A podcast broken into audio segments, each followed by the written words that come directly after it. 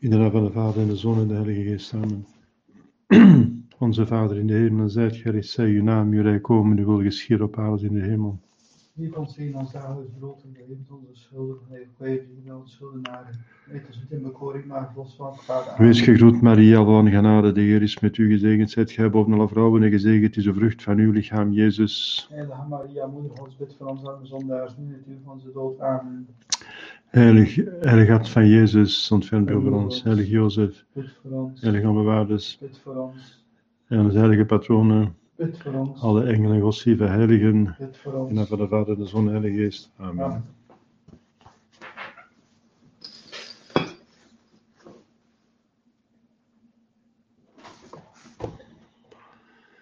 Goedenavond.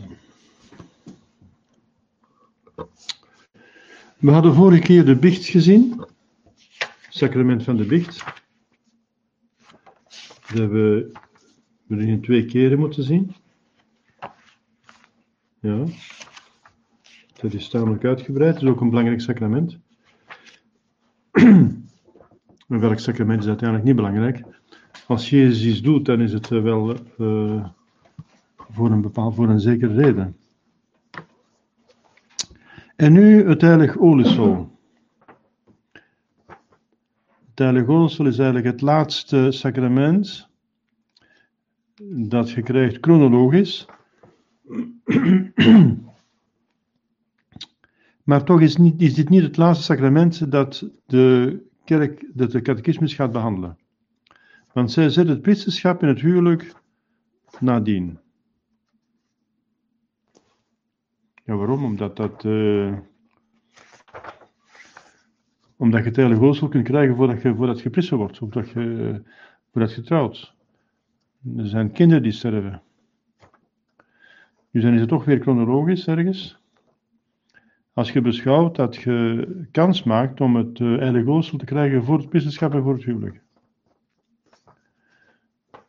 Dus het doopsel krijg je chronologisch het eerste, daarna de biecht, het heilige communie, daarna het eh, vormsel. De biecht hebben ze wat later gezet. Waarom? Wel, omdat het niet normaal is dat normaal iemand na het doopsel biecht, maar chronologisch komt de biecht natuurlijk eh, voor de eerste communie. Want het kind moet leren biechten voor het de communie ontvangt.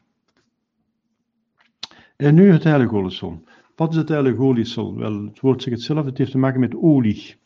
En het is, om het al onmiddellijk duidelijk te maken, het is een bepaalde soort olie. Het is ehm, eh, olijfolie.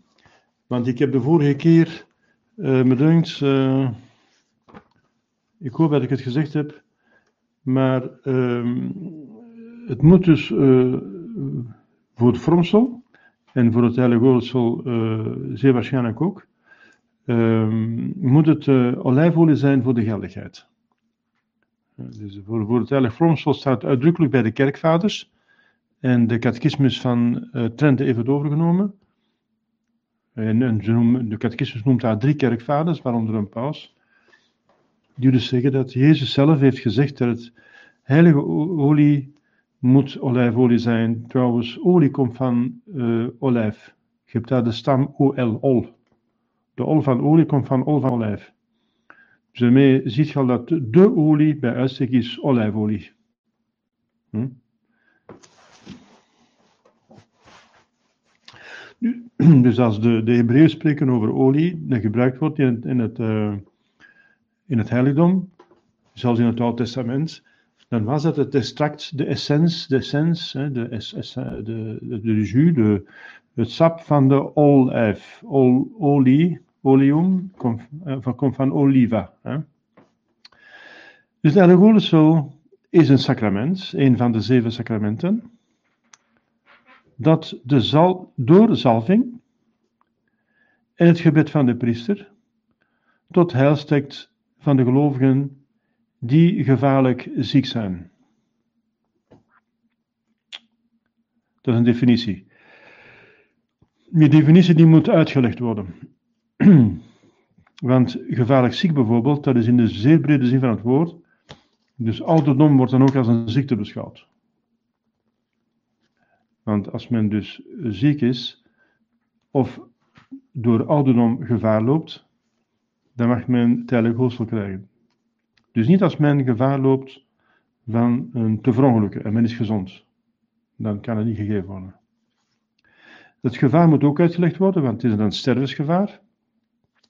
Als het geen stervensgevaar is, maar gevaar eh, voor iets anders, dan is het niet, kan het heilige niet geldig gegeven worden. Dus we gaan die uh, definitie uitleggen, die heeft echt uitleg nodig. Dus dit is een sacrament, dat betekent uh, door Jezus ingesteld. Onze Heer Jezus Christus zelf ingesteld, hè, zoals ik zei. Uh, hij heeft daarover gepraat, over gesproken. Hij heeft de kerk georganiseerd na zijn verrijzenis en voor zijn ten opneming. Waarom? Wel, omdat na de verrijzenis pas de apostelen begonnen te begrijpen waar het eigenlijk over ging. Want nog juist voor zijn dood, dan vroegen ze, gaat gij nu uh, uw koninkrijk vestigen? Hè? Gaat gij nu de Romeinen verdrijven en worden wij nu minister? Hè? En Johannes en Jacobus wilden zelfs eerste minister worden en tweede minister, op aanvraag van hun uh, moeder. Dus ze hadden er nog niet veel van begrepen wat Jezus eigenlijk aan het doen was. En pas na de verrijzenis gaan ze er uh, meer van begrijpen. En dan kan Jezus uiteindelijk uitleggen, uh, helemaal, dus de kerk gaan, dus uh, uitleggen hoe de kerk moet functioneren. Want Jezus gaat heen. Hij zegt, het is beter voor u dat ik heen ga. Beter voor u dat ik heen ga. Voor verschillende redenen. Die worden dan uitgelegd bij die kent u wel, dat, wordt, dat is de preek van uh, hemelvaart, waarom dat Jezus beter weggaat dan hier blijft. Maar hij is pas weggegaan zoals een goede huisvader, hè? bonus pater familias, hè? zoals het, kerk, het Romeins recht dat noemt. Hè? Een man die zijn zaken goed beheert. Wel Jezus beheert zijn zaak goed en zijn zaak is de kerk. Gaat hij de kerk eerst serieus organiseren tot in de details, uh, enfin, die eigenlijk details blijken te zijn, maar toch uiteindelijk uh, niet zo. Dit, uh, ja, is het een detail. Als het gaat over de geldigheid, dan is het toch geen bijzaak. Dus het is niet verwonderlijk dat Jezus over de materie sprak van de sacramenten. en heeft de sacramenten ook voor het, zijn lijden en dood ingesteld, sommige ervan tenminste, bijvoorbeeld de mis nog de avond ervoor. Het huwelijk heeft hij geheiligd op het moment van, uh, dat hij aanwezig was bij het, huwelijk van Cana. Dus dit is een sacrament, de En je ziet dat verschijnen in de Heilige Schrift, uh, bij de geschriften van uh, apostelen. Als er iemand ziek is, laat hij een priester bij zich komen en hij zal hem zalven en over hem binnen. En als het Gods gevallig is, zal hij beter worden en zijn zonden zullen vergeven worden. Dus dat is eigenlijk het, uh, inderdaad. Uh, dat zijn allemaal belangrijke elementen die tot het Heilige Olesel behoren. Het gaat dus heel duidelijk en ongetwijfeld over het Heilige Olesel. Dus het Heilige Olesel staat ergens toch wel op verschillende plaatsen al. Uh, op deze plaats tenminste, uitdrukkelijk, in, het, in de Heilige Schrift. want niet alle sacramenten staan in de Heilige Schrift. Um, dat de zeven sacramenten staan, zijn, staat er niet in de Heilige Schrift. Wel, uh, ik zal even de catechismus volgen. Voor wie is het Heilige Hoofdsel bestemd? Ja. Want anders zit je met ongeldigheid. Je kunt dat niet zomaar zo gaan toedienen aan eender wie. Maar als iemand ziek is, Heilige Hoofdsel geven, dat werkt niet. Dat kan zelfs een heilige zijn. Als je een sacrament toedient als het niet nodig is, dan, je met heilig, dan doet je heilig schennis bijvoorbeeld uh, een biecht uitspreken over iemand die uh, de doodzonde niet noemt, ja, dan. Enzovoort hebben we gezien. Het heilige is bestemd voor de zieken die tot de jaren van verstand gekomen zijn en die in gevaar zijn van sterven. Hier zegt de catechismus al iets meer over, over wie dat gaat. Dus in een definitie zeggen ze gelovigen die gevaarlijk ziek zijn. En die gaan ze erbij zeggen, ze moeten tot de jaren van verstand gekomen zijn. Dus een klein kindje dat eh, pas gedoopt en op sterven ligt, dat krijgt geen heilige holenzoon.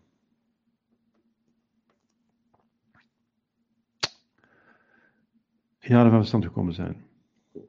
En die in gevaar zijn te sterven. Wel, nu zit de catechismus, die is hier tamelijk uh, laconisch. Die zegt niet, uh, nog steeds niet, welke soort ziekten dat het zijn. Ja, natuurlijk, uh, die gevaar zijn te sterven, dat wel. Dus hier staat bij, die gevaar zijn te sterven. Zieken die gevaar zijn te sterven. Wel, de kerk zegt specifiek erbij, uitdrukkelijk, hè, um, een ziekte, maar ook ouderdom. Ziekte of ouderdom. Natuurlijk is het zo dat een oude mens die uh, in gevaar is van sterven, die heeft een of andere ziekte meestal. Maar er zijn mensen die gewoon geen ziekte hebben dan de ouderdom. Ik heb in, de, in die sector gewerkt, hè, bejaardensector, voor ik naar het seminar ging. Heb ik daar een paar jaar eh, mee bezig geweest. Om goed te doen aan die mensen. Er waren de, te weinig bejaardenhelpers en zo. En ik vond geen werk. En ik heb mij dan uh, nuttig gemaakt in de bejaardensector. En er zijn dokters die mij gezegd hebben: Ik zeg, waaraan is die persoon nu gestorven? En wel, uh, zegt hij, dus aan niks speciaal dan aan sleet. Die is gewoon aan ouderdom gestorven. Die is gewoon gestorven omdat zijn lichaam versleten was. Voilà. Dus niks uh, specifieks. Dus u kunt van ouderdom sterven. Hm? Dus, uh, en natuurlijk, dat is toch wel belangrijk om het te, te, weten, vooral een priester moet dat weten, wanneer hij geldig de heilige godschap mag toedienen. En ook jullie moeten dat weten, want uh, jullie laten de priester komen. En je moet niet, dus in de algemeen, er zijn veel fouten die gemaakt worden met de heilige. Waarom? Wel omdat een duivel niet wil dat je naar de hemel gaat. En het gaat echt om de laatste ogenblikken. En die zijn beslissend. De laatste ogenblikken van je leven, die zijn de belangrijkste van je leven. je leven. Want als jij gans je leven als een heilige hebt geleefd, als een Sint Franciscus hebt geleefd, bij wijze van spreken, maar je hebt de eindvolharding niet, dan uh, gaat, je nog naar de hel gaan. En als je eerder een leven lang geleven, heeft, geleefd hebt zoals de, de goede modenaar, of hij, die toen nog slecht was, hè, toen hij mode, uh, maar op het einde bekeert je op het laatste moment, dan kun je naar de hemel gaan. Dus de duivel weet dat ook. Dus mee, hij gaat alles doen om daar tussen te komen. Hè. Dus in dingen waar een duivel tussen zit, is echt een duivel tussen, dat is, dat, uh, dat is een grote mistbank meestal rond. En er zijn verschillende misbanken, ook bij gelovigen, en dat is heel erg. De eerste misbank is dat de mensen de priester te laat laten komen. En de mensen die ziek zijn, de familie, de priester te laat laten komen. Want er is zo'n leugen, dat een duivel natuurlijk voedt, hè, want dat komt te spelen zijn kaart, dat als de priester het heilige geeft, dan gaat je sterven. Belangrijk niet. Het is, dit heilige is geen dodelijk middel, dat is geen vergif. Dat is telegosel, dat, gaat, dat, dood, dat is niet dodelijk. Dus dat is onzin. Ja, als de priester komt, dat is zeker dat ik ga sterven, dan ga ik sterven. Nee, het is omgekeerd. Het is omdat je op sterven ligt, dat je de priester moet laten komen. En die kan nu zelfs genezen, zegt de Heilige Schrift. Dus wacht daar niet te lang mee. Dus moet, uh, dat moet zo vroeg mogelijk. Dus van als er een, een levensbedreiging is, uh, door ziekte en of ouderdom, op ouderdom spreken we dan van einde 70, 80 jaar. Als je 80 jaar bent, je kunt nog heel fit zijn op 80 jaar, maar dat is eerder uitzonderlijk. In 80 jaar begint toch al levensbedreigend te worden. Dus de, de Nederlanders spreken ervan, het is een man of een vrouw van één dag. Dat betekent, de ene dag is me goed, de morgen kan hem doodziek zijn en je weet niet van waar, van waar hij ergens, ergens komt. Dus die personen zijn zo verzwakt door de ouderdom dat uh, er van alles kan gebeuren aan allerlei organen in hun lichaam, die dus levensbedreigend kunnen zijn. Dus vanaf, ik zou zeggen, dus 80 jaar zoiets ongeveer, hè, dan moet je toch al gaan denken dat eventueel, uh, dat je iedere dag dat je leeft, dat is een genade. Uh, voor iedereen is dat trouwens, maar zeker voor die mensen die zo oud zijn.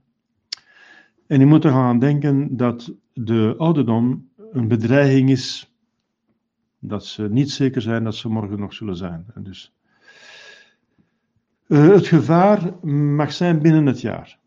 Dus als je een ziekte hebt die je binnen het jaar zou kunnen doden, of de ouderdom, wel, dan mag het heilige gootsel geldig gegeven worden. En ik zou zeggen, nu eigenlijk moet het. Waarom? Wel, omdat de priesters zo schaars zijn. Je moet niet wachten zoals vroeger, dat de priester, omdat de priester dichtbij woonde, dat men kon men wel langer wachten. En waarom wachten? Want het heilige gootsel, de eerste effect van het heilige gootsel is genezing. Het staat zelfs in de heilige schrift. Dus dat staat eh, in een, van die volgende eh, vragen van de catechismus, dat ze de genezing kunnen geven. De heilige kan genezing geven. Dus wacht daar niet te lang mee. Als er een levensbedreigende ziekte is, laat de priester komen met heilige oogsel. En stap daaroverheen dat je denkt, ja, als het heilige oogsel is, betekent dat ik ga sterven. Nee, dat betekent alleen maar dat het een levensgevaar is. Door ziekte of uh, ouderdom. Dus niet door um, bijvoorbeeld um, ongeval of een ander gevaar. Bijvoorbeeld een, een, soldaat die naar het front vertrekt en die wellicht gaat sneuvelen. Wel, die kan geen oogsel krijgen. Want die is niet ziek en die is niet oud. Die kan alleen maar een, een heilige krijgen van als hij gewond is en op sterven ligt, dan kan hij het heilige krijgen. Daarom moet er een almoezenier zijn aan het front. Ziet je? Dus alleen maar door ziekte en ouderdom. En dat uh, dus het levensgevaar binnen het jaar is. En dan doe, alsjeblieft dan een priester komen. Wacht niet tot het einde. Trouwens, er is nog een reden waarom. Dus de eerste reden is dat je dus al de, de, de, de genezing kunt krijgen, want dat Heilige Geest heeft een genezende kracht. Als het God belieft natuurlijk. Hè. Als God wil dat je verder leeft. Als God heeft besloten dat je moet gaan, ja, dan uh, natuurlijk, dan moet je gaan. Maar uh, als het enigszins kan, vragen de mensen meestal om te blijven leven en zo. En dat doen ze, ze blijven graag leven, de meeste mensen. En dan uh, kan God dat verlenen. Ten tweede, uh, daar hoort bij het heilige de bicht bij. Normaal moet dat door het bicht vooraf gegaan worden. Want eigenlijk is het heilige een sacrament dat uh, normaal gezien in staat van genade moet dus ontvangen worden. Dus men moet bichten, maar voor te bichten moet men fit zijn. En de mensen die echt op sterven liggen, de laatste momenten, die zijn meestal door de medicatie, door de, medicament, door de medicament, door de geneesmiddelen en of door de ziekte zelf verdwaasd, verminderd in hun intellectuele vermogens. Ik heb, ben bij mensen geroepen geweest die gewoon niet meer konden biechten. Dat is toch niet serieus? Dat is toch echt uh, de karikatuur? Dat is echt een duivel die dan lacht. Hè? Een duivel lacht dan. Hè? Dat is echt van des duivels. Dat is echt des duivels, daar is geen ander woord voor. En de mensen doen dat met de beste bedoelingen. Uh, maar het is, het is de duivels, het is een stuk van de duivel. Ik zeg het is een misbang die een duivel opwerkt, want hij weet dat die laatste momenten belangrijk zijn. De laatste biecht is heel belangrijk. Die gaat beslissen voor eeuwigheid uh, in sommige gevallen. Dus hij gaat zoveel mogelijk doen om de mensen verkeerde theorieën in de gedachten te brengen en die heel moeilijk uit te roeien zijn. Uh, wacht, ja, ze laten de priester niet komen, want dan zou die persoon die ziek is kunnen denken dat hij gaat sterven. Ja, en dan? Uh, laat hij maar denken, hij weet zelf ook dat hij ziek is. Uh, en we moeten bij de mensen aandringen dat het heilige gootsel gegeven wordt van als er een gevaar is voor het leven binnen het jaar. Dat wil niet zeggen dat je gaat sterven. Dat wil zeggen dat er alleen een gevaar is. Ja, hier is dan een vraag vanaf welke hoge leeftijd. Terwijl ik heb gesproken uh, van 80 jaar uh, ongeveer. 70 jaar voelt men nog niet zo niet dat men zo levensbedreigend uh, oud is. Maar 80 jaar begint al te komen. Of men zou uitzonderlijk in goede gezondheid moeten verkeren. Als je op 80 jaar nog gaat sporten en zo, ja, en nog alles doet alsof, alsof je 60 of 50 jaar bent, ja, dan zou ik niet zeggen, die mensen heeft het heilige nodig. Maar uh, voor veel mensen is 80 jaar al levensbedreigend, ja, voor de meeste mensen. En zeker 90 jaar. Ja. Dus het hangt een beetje af van de persoon. Eigenlijk moet dat dokter erover beslissen. Een goede dokter moet, zeggen, moet kunnen zeggen, in alle eerlijkheid, want de dokters zijn ook niet altijd eerlijk. Hè? Want ze zijn ook niet meer katholiek, de meeste dokters. En men wil zoveel mogelijk van het leven profiteren. Dus ze denken, om die mensen zijn laatste levensjaar niet te vergallen, of zijn laatste maanden, of de laatste weken, ga ik hem niet zeggen dat hij eigenlijk op sterven ligt. Want anders gaat hij eh, zijn leven vergald worden door het feit dat hij denkt dat hij gaat sterven. Dus daar ga ik over zwijgen. Maar ze bewijzen die mensen een slechte dienst, vooral aan katholieken, want de katholiek die wil zich graag voorbereiden op de dood. En in, in de litanie van alle heiligen bidden we van een plotselinge of onverwachte dood verlos ons Heer. Dus dat wordt als een kwaal aanzien, dat men dus niet serieus kan voorbereiden op, de, op het uh, overgang, de grote, grote ontmoeting. Uh, dat, is een, dat wordt als een, als, een, als een kwaal aanzien, dat men plots door een hartinfarct sterft, en zullen mensen niet kunnen voorbereiden. Voor de wereld is dat oké, dus ze hebben niet afgezien. Maar voor een christen is dat een ramp. Heeft zich niet kunnen voorbereiden.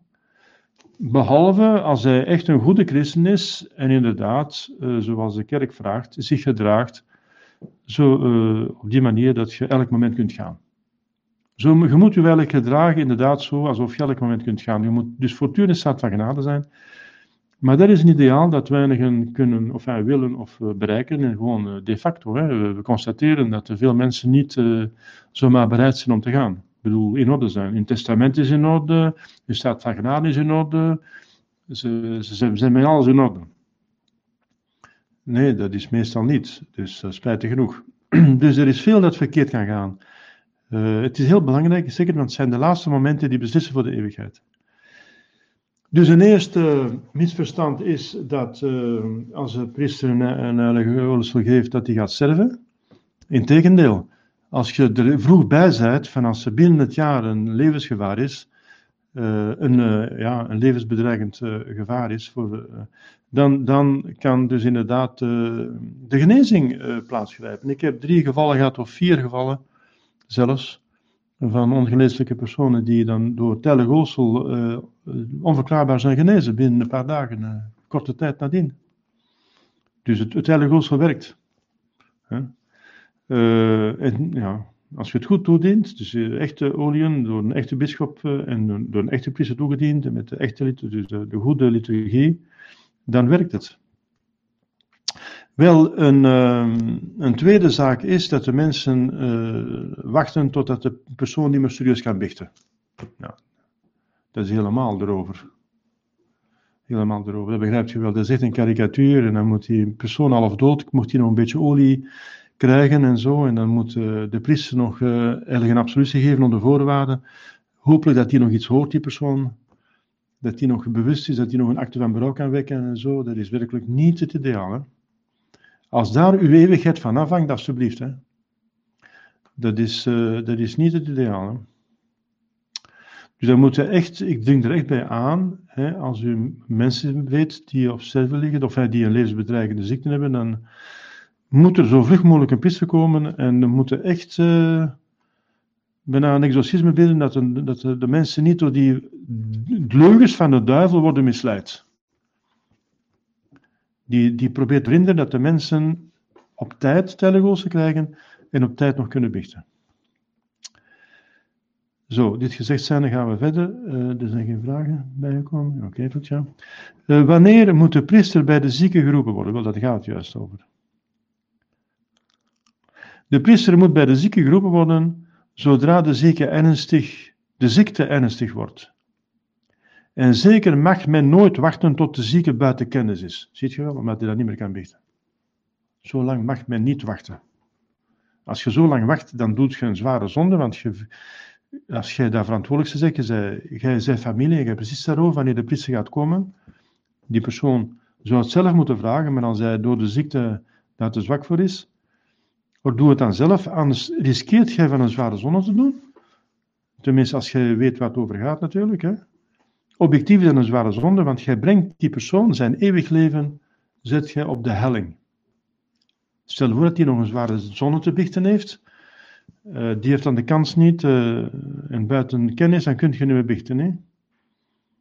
Buiten kennis, je moet uh, goed bij verstand zijn om te bichten, dan moet je gewetensonderzoek doen, dat is allemaal serieus intellectueel werk.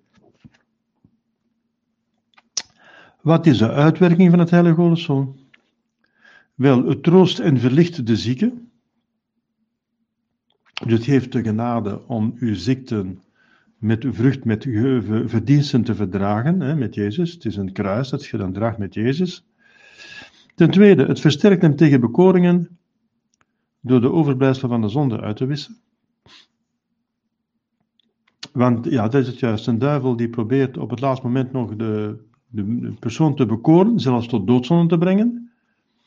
Bijvoorbeeld door gevoelens van haat, wrok tegen bepaalde personen die in hun leven kwaad hebben gedaan.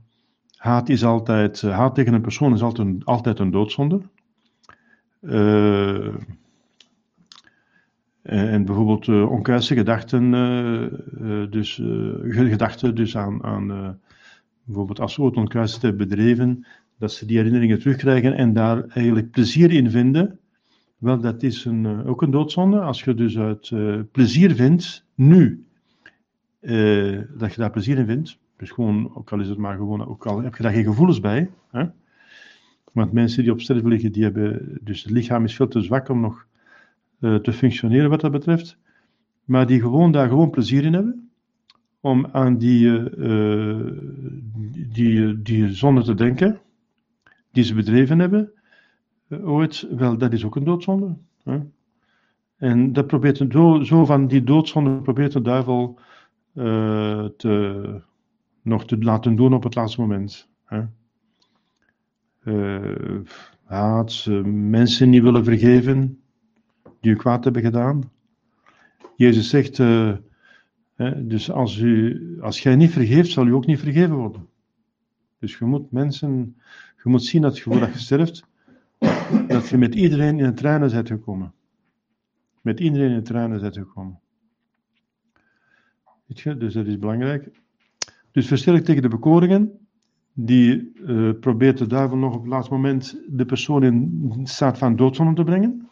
De goede engel probeert het tegenovergestelde. Dus er is echt een gevecht, letterlijk op leven en dood. Dat is het laatste moment dat een duivel nog kans heeft om iemand te verdoemen. Dus hij gaat alles op alles zetten, dat begrijp je wel. En daar heb je dus sacrament voor nodig om je te verdedigen. Ten derde, het vermeden te ergmakende genade, zoals elk sacrament. Het vergeeft de dagelijkse zonde, zoals elk sacrament en zelfs de doodzonde die hij niet heeft kunnen bichten. Maar op voorwaarde dat hij daar natuurlijk een, uh, een berouw over heeft. Als die persoon nog half bij, bij bewustzijn is, en uh, hij kan nog een, een acte van berouw, hij kan nog spijt hebben over een zonde die hij zich herinnert, en dan kan dat dus, dit heilige goalsel, die doodzonde uit te delgen. Ten vierde, het helpt hem ook tot de gezondheid Zoals ik gezegd heb, indien hem dit zalig is. Zo is eigenlijk alles wat de catechismus hier van Mechelen erover zegt. Het is een beetje kort, maar uh, ja, uh, dus ik voeg erbij wat, er eigenlijk, wat ik belangrijk vind. Uh, vermis dat er nu weinig priesters zijn. Dit geldt ook voor de andere sacramenten, maar vooral voor het Heilige. Want het Heilige beslist, de laatste momenten beslissen voor de eeuwigheid wees daar zeer voorzichtig in dat je op tijd de zaak het Heilige organiseert. Met een priester die geldig gewijd is. En ook met olie die geldig gewijd is door een geldig gewijde bischop. En het aan olijfolie is. Dat je niet een modernist laat komen van het achtertoekske met uh, arachideolie van een nepbischop van de diocese.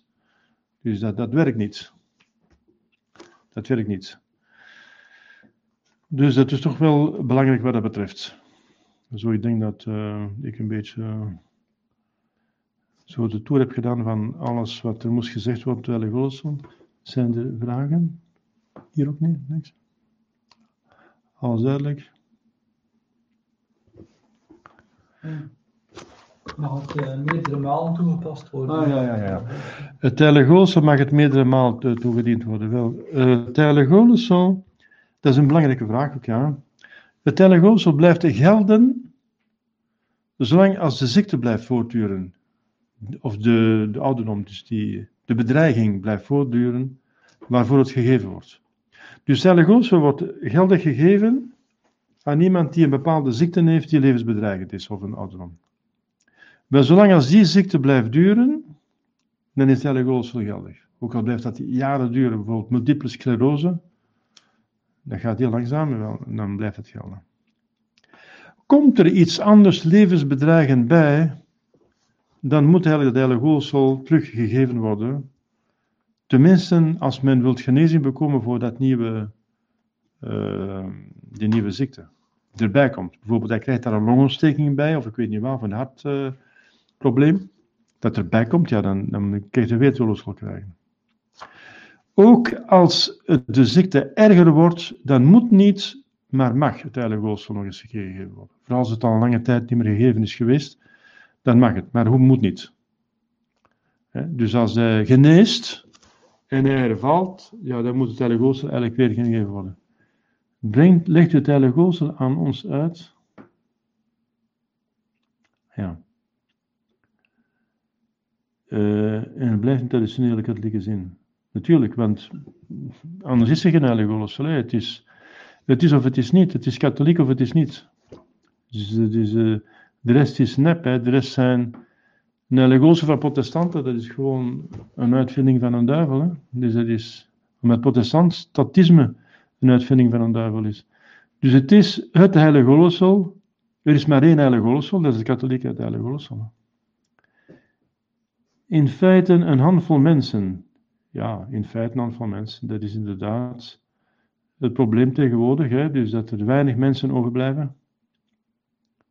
Het gros van de moderne katholieken, dat zijn geen katholieken. Moderne katholieken zijn geen katholieken. Het modernisme is een ketterij, dus in de ketterij staat je buiten de kerk. Dus het gros van de ketters, de niet-katholieken, en hun zogenaamde priesters, die geen priesters zijn, kennen dit niet meer. Ja, natuurlijk, omdat ze niet meer katholiek zijn. Hè. Dus als ze het zouden kennen, ja, tuurlijk, dat zeker. Zoals de boeddhisten het niet kennen en de protestanten kennen het niet, de Oosterse, ik weet niet wat, ja, die zullen het misschien nog wel kennen, want die hebben de sacramenten bewaard. Inderdaad. Het is voor ons psychologisch heel moeilijk om te begrijpen om de situatie, hoe het mogelijk is dat een miljardenkerk, hè, quasi miljardenkerk in de jaren 60, plots van de ene dag op de andere uh, een kerk wordt van een paar handvol mensen. Van een 2500 bisschoppen, twee overblijven, dat is minder dan 0,1%. En hetzelfde voor de priesters en de, en de gelovigen. Ja, dat is psychologisch eh, heel hard om die knoppen om te draaien. Maar we moeten ze omdraaien, want anders zijn we dus niet met de werkelijkheid uh, uh, verbonden. Dan, dan, dan denken we niet zoals de werkelijkheid is. Dat is inderdaad moeilijk om dat te aanvaarden, maar het zijn feiten. We moeten ze feiten aanvaarden. Hè? Het zijn feiten, hè? Inderdaad. Ja. Daarmee, uh, als het een, handvol mensen is, ja. Wie zoekt die vindt. Als de gros eh, modernisten echt van goede wil zijn, dan zoeken ze, zullen ze vinden. Hè? De traditie is gekend. Is toch niet, we lopen toch niet, we zijn toch niet ongekend. Er zijn, we zijn online, we zijn op te vinden. Mons Lefebvre is gekend, die was wereldgekend. Dus ze hebben de kans om erbij aan te sluiten. Dus dat ze zich dan aansluiten. Dat ze zich dan aansluiten bij de waarheid. En als ze echt bidden en zoeken, dan zullen ze echt, de Heilige Geest zal hun ingeven waar de waarheid is. Want iedereen heeft voldoende genade om zich te redden. Iemand van goede wil, die komt er. Als ze er niet komen, dat betekent dat ze ergens niet van goede wil zijn geweest. Dat ze zich hebben laten bedriegen. En dat ze zich daar goed bij voelen en dat ze zich laten bedriegen. Hetzelfde voor de protestanten die niet teruggekeerd zijn, eh, de Oosterse schismatieken die niet teruggekeerd zijn na het schisma. Hetzelfde, kan je daar hetzelfde van zeggen, dat is inderdaad zo. Ja. Iemand die de Alzheimer krijgt, maar nog lang kan leven met die ziekte, wanneer mag die het heilige dan krijgen? Ja. Als je dus logisch nadenkt, zo vlug mogelijk. Want als die Alzheimer dus levensbedreigend is en die levensbedreigend, die moet in ieder geval, uh, als het levensbedreigend is binnen het jaar, hè, dan moet hij het heilige krijgen binnen het, binnen het jaar. Maar in ieder geval, die moet zo vlug mogelijk gaan bichten. Zo vlug mogelijk gaan bichten. En die moet regelmatig gaan bichten, tot, totdat hij dus niet meer kan bichten. Omdat hij, iemand die zot is, of hij bedoelt zwakzinnig, iemand die zijn zinnen kwijt is, die mentaal gehandicapt, die, die mentaal gestoord is, uh, Alzheimer is dat stoort iemand, dus uh, op een gegeven moment zijt je niet meer in staat om te bichten. Wel, die moet, die moet, die moet bichten, uh, zo vlug mogelijk en zoveel mogelijk, voordat hij zover is dat hij niet meer kan bichten. Dus die moet, die moet vooral zich met de biecht bezighouden. En van als de Alzheimer binnen het jaar levensbedreigend is, dan mag je ook het heilige krijgen. Ja, je was nog een vraag? Ja, iemand die eh, niet traditioneel geloof heeft en uh, op een is, maar die wel van goede wil is. Uh, in welke zin kan hij het sacrament ontvangen of moet hij voldoende geloofswaarheden kennen en katerijn verwerken? Ja, ja, ja, tuurlijk. Ja. Dus iemand die gaat er vanuit iemand die geldig gedoopt is. Ja, dat wel. En die modernist is. Ja, hetzelfde kun je zeggen van orthodox, Oosterse schematiek. Hè? En de meeste protestanten zijn geldig gedoopt. Ja. Maar moeten die doen? Ja. Wel, het is hetzelfde als een protestant die geldig gedoopt is. Mhm. Uh, die, moet, die moet zo vlug mogelijk bekeren. Hè? Mhm. Je kunt dat niet geven aan iemand die niet bekeerd is. Nee. Trouwens, hij moet bichten. Want het heilige oogsel dat gaat samen met de laatste sacramenten. Dus de laatste sacramenten, dat zijn dus in het meervoud, dat zijn sacramenten en sacramentalium. Dus de priester, als, hij de, als iemand op, st- dus inderdaad stervensgevaar heeft door ziekten of ehm eh, ouderdom, gaat verschillende sacramenten toedienen. In het meervoud. Natuurlijk, daarvan is het heilige oogsel het meest gekende, maar ook het viaticum. Hè? Dus wat gebeurt er als hij dus het huis binnenkomt en er is niet echt, die mens ligt niet echt op sterven, want als het een kwestie van minuten is of seconden, ja, dan moet hij onmiddellijk uh, het heilige gaan toedienen. Hè? Maar uh, er is urgentie bijvoorbeeld, iemand is uh, verongelukt, ligt op straat, uh, is verongelukt, ligt dood te bloeden op straat, ja, die moet onmiddellijk uh, het heilige oogsel onmiddellijk ontvangen. Dus, tenminste, als hij als die gedoopt is, er moet nog te weten komen dat hij gedoopt is, enzovoort, enzovoort. Dat is niet meer evident tegenwoordig. Hè? Vroeger was dat evident, want iedereen was praktisch gedoopt.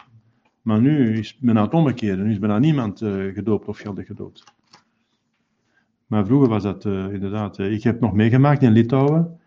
Dat, toen ik daar geweest was, was iedereen nog praktisch gedoopt, geldig gedoopt. En ik heb iemand op straat zien liggen. Die was verongelukt, een brommer.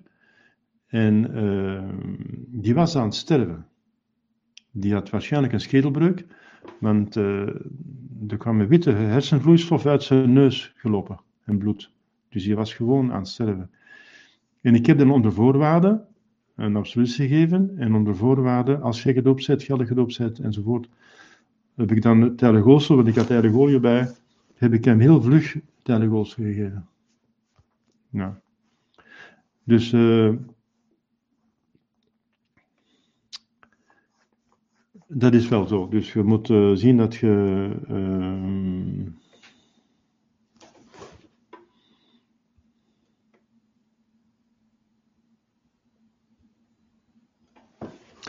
dus je moet zien dat je de, dat je de, ja, dat je de mensen uh, het heilige oogsel geeft. ja, je moet zien of dat ze dat. normaal moeten ze zich bekeren. Hè. Normaal, om het heilige oogsel te krijgen, je moet in staat van genade zijn, normaal gezien. Hm? Staat van genade betekent dat je ook geen ketter bent, want de ketterij is een doodzonde. Dat je geen schismatiek zet, want schisma is een doodzonde. Dus je moet zorgen dat je, ja, je kunt die mensen proberen te bekeren. Als een, een, in het begin was het nog een grijze zone. Uh, in het begin van de jaren 60, 70 dachten de mensen dat ze katholiek waren. En ze gehoorzaamden aan de paus. Ze dachten, dat is een paus, Paulus VI is een paus, en we gehoorzamen hem. In Zoger, dat was anders. Dat was een grijze zone. En als iemand zo op sterven was, een grootmoeder, die kon je niet uh, over Vaticaan II gaan spreken, die snapte daar niks van.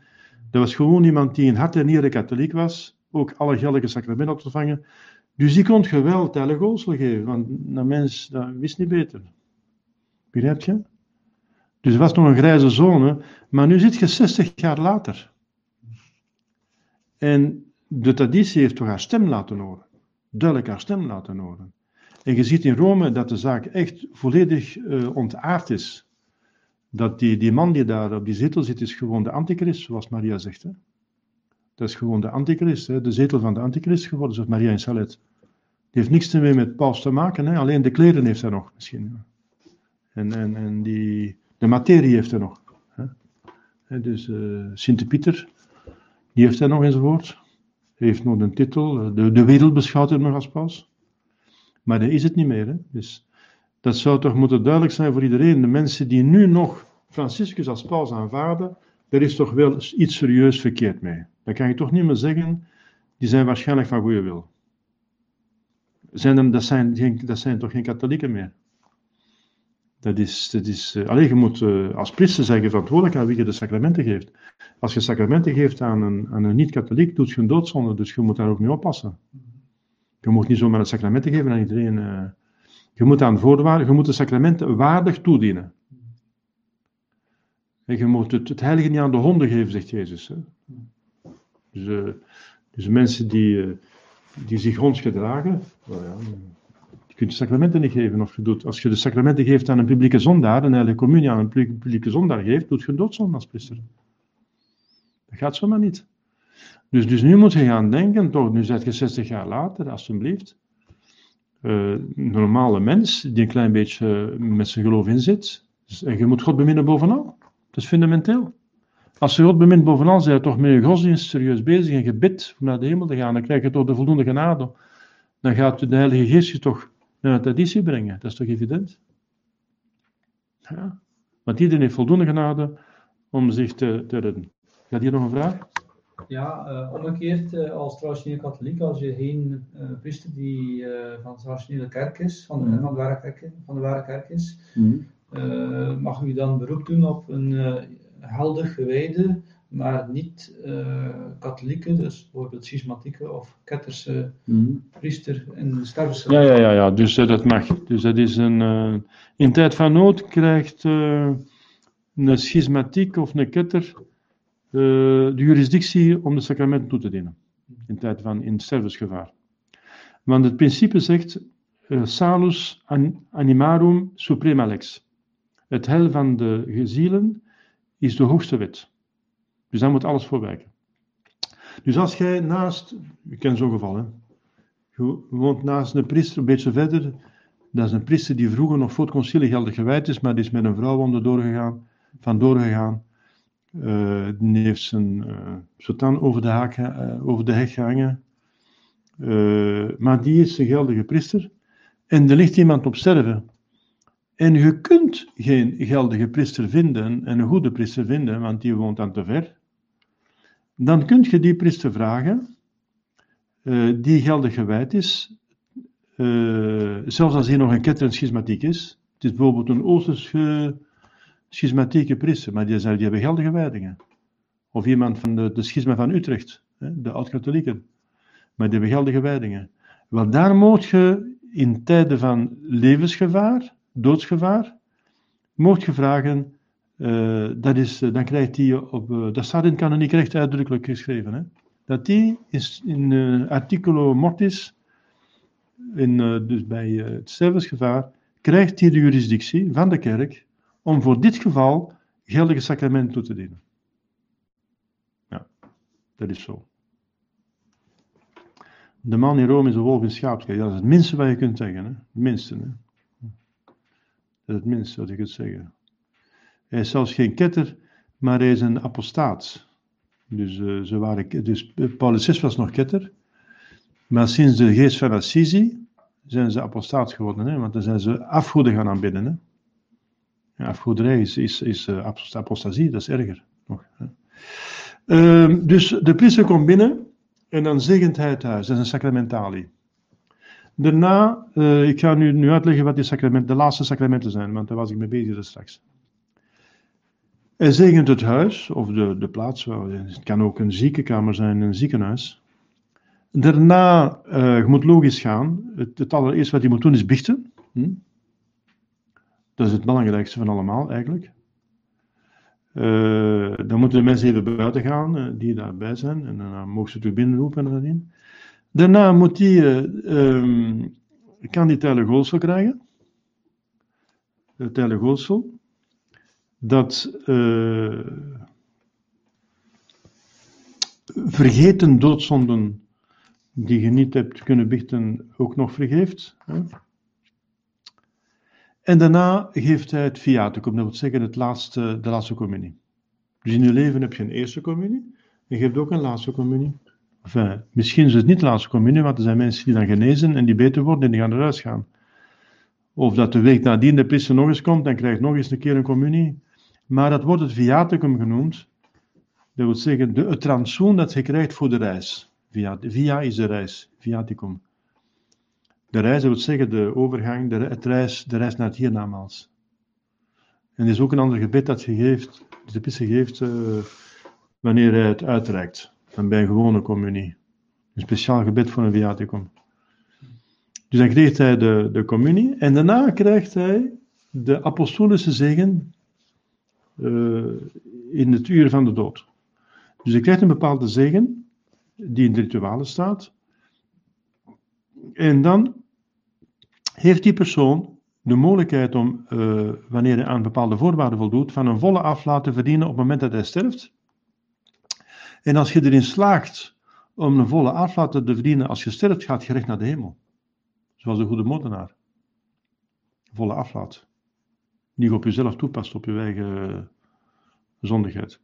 En die voorwaarden zijn dus uh, dat het dus in staat van genade is natuurlijk. Uh, dat is altijd de voorwaarde. En dat hij dan uh, ten tweede zijn moeilijkheid, zijn lichamelijke moeilijkheid, zijn ziekte of zijn ouderdom, de, aanvaardt. dat hij zijn dood aanvaardt, zoals God hem het heeft voorzien. Want het is God die beslist over dood, niet een duivel. De duivel kan ons ziektes geven, maar als men sterft, dan is het dit dat God het zo heeft eh, beslist. De, kan de, de, de duivel kan de mensen niet doen sterven. Of als hij de mensen doet sterven, dat betekent dat God ermee toegelaten. Maar het is God die beslist over leven en dood. Dus dat, uh, dus dat hij dat aanvaardt als hij sterft, als hij op sterft ligt, dat, dat de, de dood aanvaardt zoals God hem het heeft beslist. Uh, dood is het gevolg van de zonde, van de erfzonde en andere zonde. Dat men dat niet, dat men geen opstand pleegt, dat men niet opstandig is. Dat men dat niet verwerpt, dat men het aanvaardt, het kruis. Het grootste kruis van allemaal is de dood. Dat men het kruis aanvaardt. En dan, de derde voorwaarde is dat men de naam van Jezus en Maria roept. Ook in gedachten is voldoende. Dus men heeft de laatste sacramenten gehad, men sterven, men aanvaardt dat en men zegt Jezus Maria. En dan heeft men een volle aflaat. En dan gaat men recht naar de hemel. Dus dit is toch het belang van de laatste sacramenten. Dus het laatste is een sacramentali. Dus je hebt verschillende sacramenten, namelijk eh, de bicht, de communie, het viaticum en het heilige Drie sacramenten. En verschillende sacramentaliën, dus de, de zegen van het, uh, de plaats en dan de zegen van uh, de apostolische zegen. Je kunt nog andere zegens toevoegen, je kunt de zieke zegen geven. De priester die zorgt er ook altijd voor zeer belangrijk, daar moeten de gelovigen ook voor zorgen, dat die persoon de, de schepelier draagt van de berg Karmel. Want die geeft, die redt van de hel en van het vagevuur. Heel belangrijk. Iemand die met het uh, schapelier van de berg Karmel sterft, die gaat niet naar de hel. Dus dat moet opgelegd zijn. Als dat opgelegd is, dan moet hij het gewoon dragen. Een lapje voor, een lapje achter. Het probleem is het ziekenhuis of het rustoord, waar de zusters dat niet aanvaarden, of de verpleegsters, het zijn geen zusters meer, het zijn geen religieuzen meer. Uh, de verpleegsters, het personeel aanvaarden, de meeste zijn meer, geen zusters meer uh, vader niet uh, meer, dat die, die code niet zeggen, die kan zich daaraan kwetsen of zoiets. Dus meestal aanvaarden ze die code niet, maar dan kan het in zo'n geval vervangen worden door een medaille. En dan moet je opstaan, dan moet je echt zeggen dat willen we uitdrukkelijk, en die persoon die op zich weet uitdrukkelijk dat hij die medaille van de bergkarmel, de schapeliermedaille, draagt, dag en nacht, totdat hij overleden is. Dat is heel belangrijk. En dan kun je ook de wonderdadige medaille opleggen uh, als pisser. En die wonderdadige medaille. Je kunt een groene schapelier leggen. Het groene schapelier, als iemand zich moet bekeren op zijn sterfbed, daar is het groene schapelier voor. Je verbergt dat in die kamer en je bidt dat gebed dat erop staat. Huh? Onbevlekt van Maria, bid voor ons nu en in het uur van onze dood. Amen. Het gebed van het groene schapelier. Moet ook gezegend zijn door de priester. De priester kan uh, de, de, medicamenten zegen. Er bestaat een speciale zegen voor medicamenten, voor medicijnen. Er bestaat een, speciale zegen voor het ziekenbed. Hij kan ook het ziekenbed zegen. En, uh, dus dat kan hij allemaal doen uh, als hij daar, ja, als hij daar tijd voor heeft en de mogelijkheden, hij moet natuurlijk een, daarvoor een, een bij hebben. En uh, voilà, als je, als je mens langdurig in zo'n bed moet liggen, kan het goed zijn dat, uh, dat het bed gezegend is, waarom niet? Hè? Hm. Dus dat is ongeveer het belangrijkste, ja, het is alles. Dus, als die persoon niet gevormd is, kan de priester ook op het, het vormsel toedienen. Enfin, wij hadden dat in het broederschap, hadden wij dus die faculteit, om, omdat wij missionarissen zijn in in geval van uh, servicegevaar, van nood, konden wij het vormsel toedienen. Geldig. En ik heb dat gedaan. Ik heb dat gedaan bij Peter Koekoek, heette die. Koekoek. Met vier kaas. Koek, koek. heette die. en die lag op sterven. Uh, en ik heb hem gedoopt. En al die sacramenten gegeven. Op zijn sterfbed. Zes dagen nadien was hij dood. Dus hij heeft al die sacramenten gehad. Sacramentalia. Zelfs het heilige vormsel, want het heilige vormsel geeft dus een, een, een onuitwisbaar merkteken, een glorie meer in de hemel. Het geeft toch meer staat van genade, vermeerderde staat van genade en het geeft een glorie meer in de hemel. Dus ook al is het niet, niet echt nodig, want hij moet zijn geloof niet meer verdedigen. Het, het, het, het is daar om, om, het geloof over te dragen. Maar het vermenigde staat van genade. Dus in die zin is het toch wel goed dat je. Het is niet nodig om naar de hemel te gaan, maar het is een glorie meer dat je dan geeft. Ja. Dus, dat, dus je ziet dat dat toch wel, uh, uh, toch wel uh, een voorbereiding vraagt. Een zorg dat wij onze mensen, onze dierbaren, niet zomaar laten heen gaan zonder dat, ze, dat wij alles hebben gedaan wat we kunnen om hen goed te doen, om hen te verzorgen. Naar ziel en lichaam. Ah ja, wat moet er allemaal klaargezet worden voor de priesters? Wel, meestal heeft de priester alles bij, want uh, er komt soms in toestanden waar de mensen eenmaal niks weten en dan moet hij alles zelf bij. De meestal heeft de priester alles er zelf bij. Maar als u wel iets hebt voorbereid, dan uh, gaat het vlugger. Dus dicht bij het bed moeten er verschillende tafels staan. Minstens één tafel waar dan een, een kruis op staat, liefst een houten kruis een staand kruis. Hè. Dan uh, heeft hij uh, wijwater nodig. Dus u kan daar een wijwatervatje met een, een takje van Palmezondag waarmee je de zegeningen kan doen. En dan over dat uh, tafeltje moet eigenlijk een wit kleed zijn, hangen. Er moet een wit kleed hangen. En uh, ja, als dat er al is, dat is al heel veel. Een tafeltje met wit kleed, een, een kruis erop en wijwater en, en een palmtakje, dat is al heel veel. En als dat tafeltje groot genoeg is, dat hij ook daar de communie kan op organiseren, de communie uh, kan opzetten, heeft nog een andere tafel nodig om zijn uh, valies op te zetten, om die open te maken, om zijn dingen uit te pakken, want hij moet nog een supplie aandoen enzovoort, een stola. Hij moet zijn ritualen uit de valies nemen en hij moet toch ergens een tafel hebben om zijn valies op te zetten. Dus een, een tafel om zijn valies op te zetten waar hij alles uithaalt. En een tafeltje waar hij alles op doet. En dat, dat tafeltje waar hij alles op doet, dat moet naast die persoon staan. Want die persoon die moet liefst dat kruisbeeld kunnen zien. Anders heeft het niet veel nut. Hè? Dat kruisbeeld is vooral voor degene die op sterven ligt. Als iemand op sterven ligt, zie dat hij zichtbaar voor zich een kruisbeeld heeft, dat hij zich daar kan aan optrekken. Hè? Het kruisbeeld is het belangrijkste uh, wat, er, wat het belangrijkste beeld waar, waar iemand die op sterven heeft iets, iets aan heeft. Want Jezus is hem voorgegaan in de dood en hij zal met Jezus verrijzen. En door zijn dood bekomt hij alle genade die hij nodig heeft, van al wat hij nodig heeft. Hij is in een grote behoefte iemand die op sterven ligt. Dus ook een Maria-beeld is buitengewoon uh, dus wel welkom, want uh, Maria geeft dus, ja, in het uur van de dood bidt voor ons. Hè. Die geeft dus met Jezus, Ellegat, geeft Maria ook de, de, de genade van de eindvolharding. Dat is de grootste genade. Als je die genade hebt, heb je de hemel. Als je die genade niet hebt, heb je de hemel niet. Ook heb je gans je leven goed geleefd, of je gans je leven slecht geleefd. Uh, het is de, de, de, staat van genade op het laatste moment, dus de eindvolharding, die beslist waar je naartoe gaat. Natuurlijk is het zo, een boom valt uh, naar waar hij geheld staat. Een boom valt zo, een boom die valt niet zo om. Mm, Normaal als een boom valt, valt hij zo. Dat betekent, als jij goed geleefd hebt, dan zult je goed sterven, normaal gezien. Als je slecht geleefd hebt, zult je normaal slecht sterven. Want dat is een hele inspanning om een boom.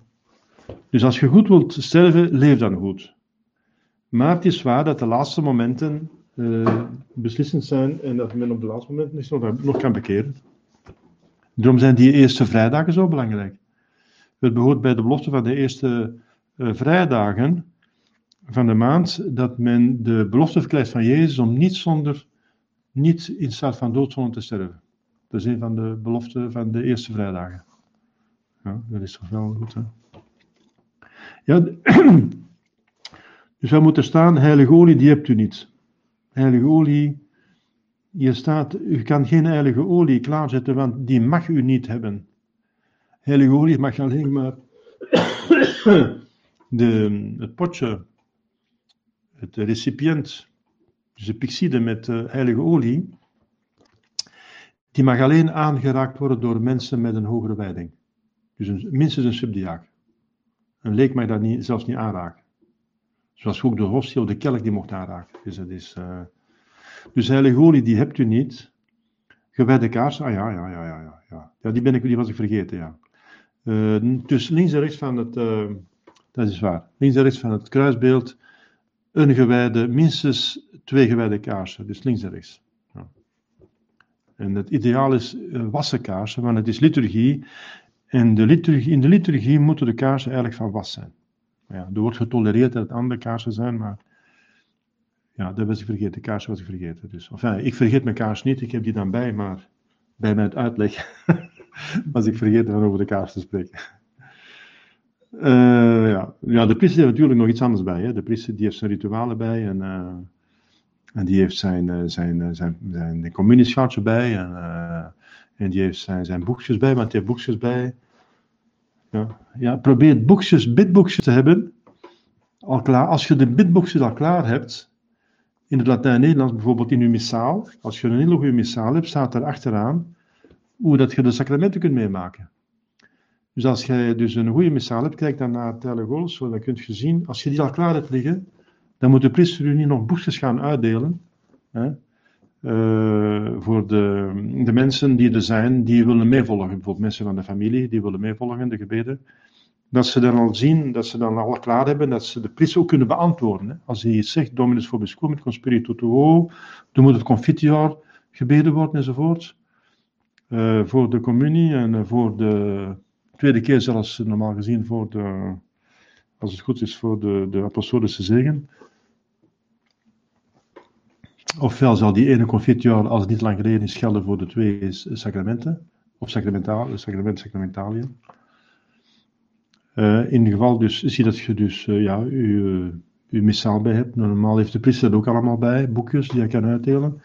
Maar u uh, verlicht dus de taak van de priester en u wint tijd als u dat zelf allemaal hebt klaar. Ja, een potje met wijwater zeker vast, ja. Wijwater. Zo. Um, ja. En natuurlijk uh, ook gebeden voorzien. Het is goed dat men, dat men gebeden voorziet, een gebedenboek met communie-dankzegging. Bijvoorbeeld in het Hosanna-boeken staat er dus een heel, allerlei bladzijden, zijn dankzij naar de communie. Dan kan de priester ondertussen uh, andere dingen voorbereiden. Of uh, alles dus wegruimen of zo. Dan kan hij, als u dus nadat de persoon gecommuniceerd heeft, iemand van de familie daarnaast gaat zitten en heel rustig gebeden voorleest, die de persoon helpt bij de dankzegging van de communie. Want die persoon heeft waarschijnlijk moeilijkheden die op sterf ligt om nog te lezen. Als hij kan lezen, zoveel te beter. Uh, maar als hij dus niet meer kan lezen of moeilijk kan lezen, dan is het goed dat iemand het voorleest. De dankzegging naar de communie. Dus dat ook. Ja. Maar normaal heeft de priester alles bij. Uh, maar als jij het hebt, dan is het uh, voor de priester veel aangenamer en minder werk en dan gaat alles veel vlotter. Hm? Dat klopt. Zo, ik denk dat we ongeveer rond zijn. Dus er is een belangrijke taak voor jullie bij, die, bij het sacrament. Want meestal is het de familie of de persoon zelf, als hij nog goed is, maar ook vaak de familie die de priester moet laten komen. Dus wacht daar niet te lang mee. Wacht daar niet te lang mee. Dus ook voor het, uh, voor het doopsel moet je op de hoogte zijn. Uh, iedereen moet in staat zijn om het doopsel toe te dienen. Dat is misschien nog belangrijker. er zijn verschillende dingen die de leken moeten kunnen. Als ze te weinig priesters zijn. En doopsel moet, een nooddoop moet kunnen toegediend worden door iedereen. Dus zijn, de leken moeten meer weten nu dan in tijden dat alles goed gaat. Bijvoorbeeld als er, als iemand gedoopt moet worden uh, in stervensgevaar, dat is ook al gebeurd, dat de islamieten sterven en die vragen plots naar een doopsel. Die hebben dat nooit durven vragen terwijl ze leefden, want er staat een fatwa op. Een islamiet die bekeert tot christendom, die is de dood schuldig. Hè? En zijn islamieten die wachten totdat ze op sterven liggen om zich te laten dopen. En als dat geen priester is, dan moet je dat kunnen doen. Hè? Ik geef maar een voorbeeld. En dat is al gebeurd. Dat is gebeurd. Er is al een priester, er is een islamiet die in Parijs een verongelukt op straat. Er komt een priester voorbij, in Sultan nog in een tijd, van Saint-Nicolas de Chardonnay. En die islamiet vraagt hem, en hij vraagt hem te dopen. Hij zegt, ja, ik heb altijd priester willen worden, maar ik heb nooit gedurfd, kunt je mij dopen? En die heeft hem gedoopt en is gestorven. dus dat is ongelooflijk, ja, dat, dat bestaat. Ja. Maar dan moet je weten hoe dat je moet dopen, geldig moet dopen. Dus, uh, dus uh, de mensen moeten mee weten. Hè. Uh, ook voor de biecht, de mensen moeten. Dus als iemand op, wat moet je nu doen als iemand op sterven ligt? En er is geen priester. Wel, het belangrijkste wat je moet doen, dat is die persoon een akte van berouw laten opzeggen. Een akte van volmaakt berouw. Want dat is het enigste waardoor hij vergiffenis kan krijgen van zijn doodzonde, buiten doopsel, en hij is waarschijnlijk al gedoopt. Uh, dus we laten ons vanuit gaan dat hij gedoopt is. Als hij moet gedoopt worden, is er geen probleem. Als jij moet dopen, dan is alles onderweg. Maar dat is uitzonderlijk. Wel, uh, iemand die dus al gedoopt is en die op sterven ligt, bijvoorbeeld door een ongeval, dat is onvoorzien. En de priester kan niet komen, want hij is veel te ver of hij komt te laat. Wel, dan, is, dan, dan jij het die hem nog kan helpen. En het belangrijkste wat je kunt doen, dat is zien dat hij een acte van berouw, volmaakt berouw of liefde stelt. Dus. Want het is door de liefde die, die eh, gevat is in een volmaakt acte van berouw, dat hij vergiffenis krijgt van de zonde. Dus dan is het belangrijk, natuurlijk moet er een dokter bij roepen, je moet zorgen voor zijn lichaam, hè, dat hij de zorg krijgt die hij nodig heeft. Maar zijn ziel, dat is nog het belangrijkste, want zijn ziel is onsterfelijk. En als hij een doodzonde op zijn geweten heeft, kun je hem ervan afhelpen, dat weet je niet. Dus door hem uh, te laten bidden, helpen te bidden, de akte van volmaakt berouw. Dat is het belangrijkste van allemaal op dat moment, akte van volmaakt berouw. Als hij daar in staat is om een akte van volmaakt berouw te doen, heeft hij vergiffenis van zijn doodzonde. Dat hebt u gezien, dat is Buiten de biecht kunnen we vergiffenis krijgen van doodzonde door een akte van volmaakt berouw op voorwaarde dat we, als ze beter worden, als we de kans krijgen, dan toch gaan bichten. Maar ondertussen zijn die zonden wel vergeven. Dus dat is wat, uh, wat de mensen nu nog meer moeten weten dan vroeger. Omdat er zo weinig priesters zijn. Vroeger waren de priesters overal, in alle parochies overal. Dus uh, dan moesten de mensen daar, daar niet mee bezig zijn, want dat was niet nodig. Maar nu wel. Hè. Voor de communie kun je een geestelijke communie doen. Hè. Dat weet je, zonder priester. Een huwelijk, ja. Uh, een huwelijk kan aangegaan worden zonder priester. Als je dus geen priester vindt binnen de 30 dagen in een bepaald gebied en je wilt trouwen, heb je het recht om te trouwen met elkaar zonder priester. Dat staat ook in kanoniek recht. Je hebt dan wel de plicht, als er een priester is die geen juridictie heeft, maar die in de buurt woont, heb je wel de plicht om hem erbij te halen. En die krijgt dan daardoor wel, uh, ja, dat is wat er gebeurt dus, in de traditie. Wij hebben dus geen normale juridictie om, om, te huren, want normaal moet de pastoor dat doen en er zijn geen pastoors meer. Uh, door normale juridictie en alles is juridictie van suppletie. Maar ook een huwelijk kan, nu is een sacrament dat door leken kan gegeven worden. Dat was, elk huwelijk wordt door de leken gegeven. Het huwelijk. Want uh, degene die bedienaar is, dat zullen we zien van het huwelijk, dat zijn de verloofden.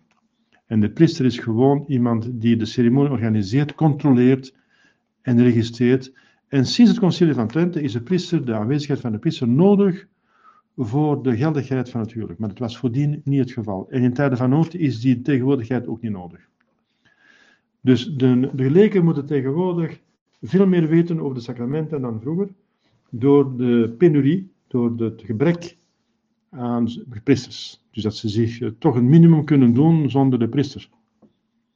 Ik heb al gesproken over doopsel. Hè. Ik heb dat bij doopsel uitgelegd hoe dat je een doopsel kunt toedienen als leek. Hè. Dat staat op YouTube. Het, het, de bicht, ja, dat wordt vervangen door een acte van volmacht berouw als je die kunt bichten. Uh, de communie, dat is een geestelijke communie. Hm? Als je lange tijd niet de communie kunt gaan, dan is het een geestelijke communie. Uh, de, het huwelijk, daar heb ik over gesproken. Uh, en nu gospel, ja. Het vormsel, ja, dat is. ja, je kunt vragen voor de vermeerdering van de gaven van de Heilige Geest en de, en ingestorte gaven. Kun je daarvoor bidden dat je ze krijgt. als je gedoopt bent, dat je meer genade krijgt. Het gebed is ook een middel om genade te verkrijgen. Hè? Ja, maar natuurlijk, de sacramenten zijn wel de sterkste middel. Zo, uh, hier is ondertussen nog een vraag bij getypt.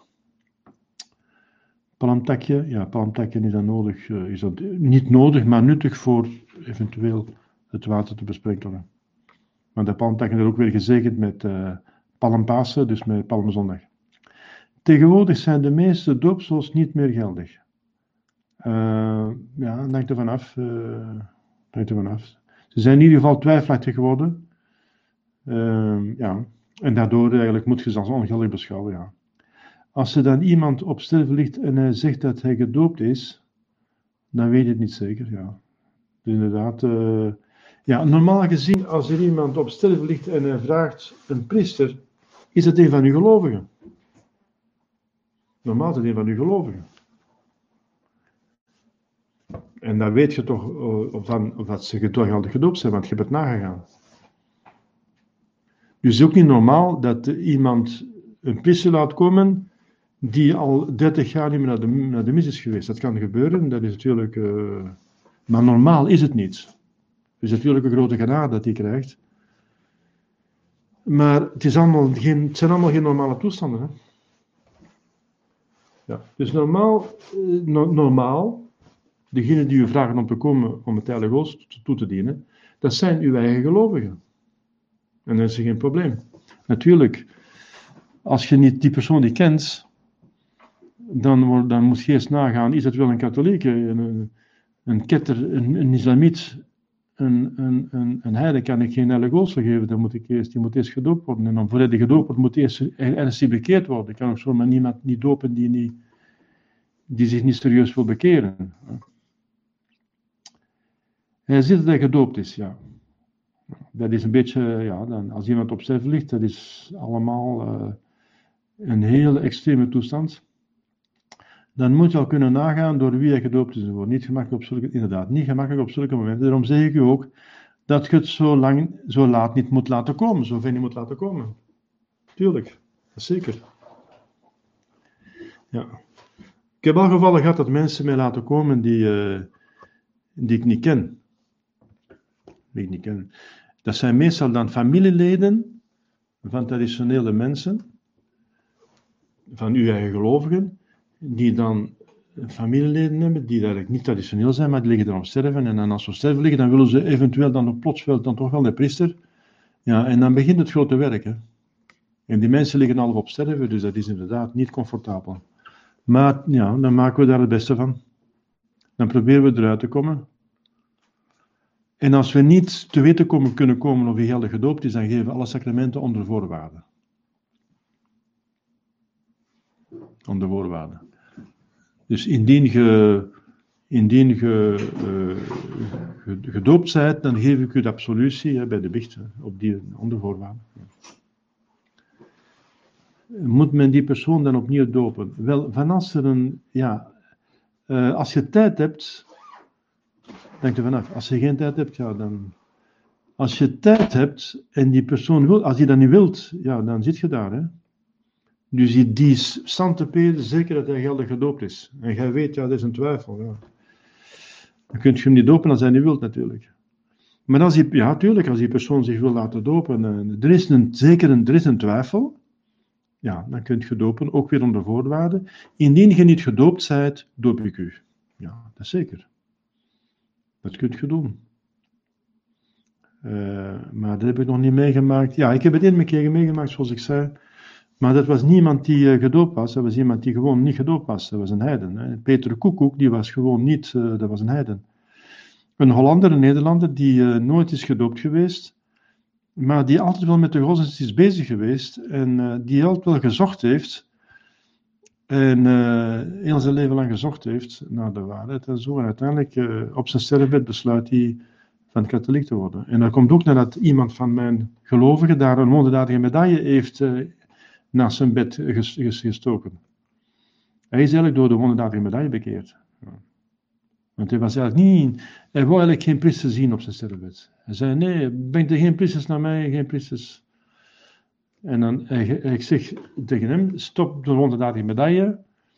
En sinds hij de wonderdadige medaille verstopt heeft, dan hij wel kon hij wel een priester aanvaarden om een ziekenzegen te geven. Ja, want je mag een ziekenzegen geven aan een heiden, dat mag. Je mag sacramentaliën geven aan een heiden. Niet sacramenten, alleen de toopsel aan een heiden. Maar de sacramentaliën mag je, als het geen schandaal is en als die, eh, die persoon dat met, met wil aanvaarden en daarvoor open staat, want dat kan, dat kan een, een, een, een deurenopener zijn dan, dan mag men die persoon uh, inderdaad uh, dus uh, de sacramentale gegeven. En bij Peter Koek heeft dat heel goed geholpen. Dus een, trouwens iemand daar in medaille verstopt zonder dat hij het wist, onder zijn bed of zo, onder zijn matras, zijn vriend. En die is nadien helemaal bekeerd. Hè. Die, is, die is heilig geworden, ja, want als hij na zijn doopsel sterft, je zit hij in de hemel. Dat is ongelooflijk. Dat was mijn eerste doop dat ik heb toegediend naar mijn priesterwijding. Dat was een buitengewoon geval. Uh, iemand die op sterven lag in Amsterdam. In de Willy straat nummer 7, ik zal het nooit vergeten. Willy straat nummer 7 in Amsterdam lag Peter Koek op sterven uh, op die en die datum. Dat was in, in december. dat was in de, de 14 december of zoiets. Ja. Zo, ik denk dat we rond zijn. Hè. Dus ehm, het is hier tamelijk kort, omdat dat natuurlijk een catechismus is uit een tijd dat iedereen katholiek was. En ik heb er iets meer moeten bij zeggen, want we zitten nu in uh, abnormale, buitengewone uh, situaties. En dan moeten natuurlijk, de mensen moeten dan wel iets meer weten, hè? dus uh, in zo'n geval. Zo, ik hoop dat dat voldoende is geweest. We kunnen daar een andere keer op terugkomen, eventueel. Ja.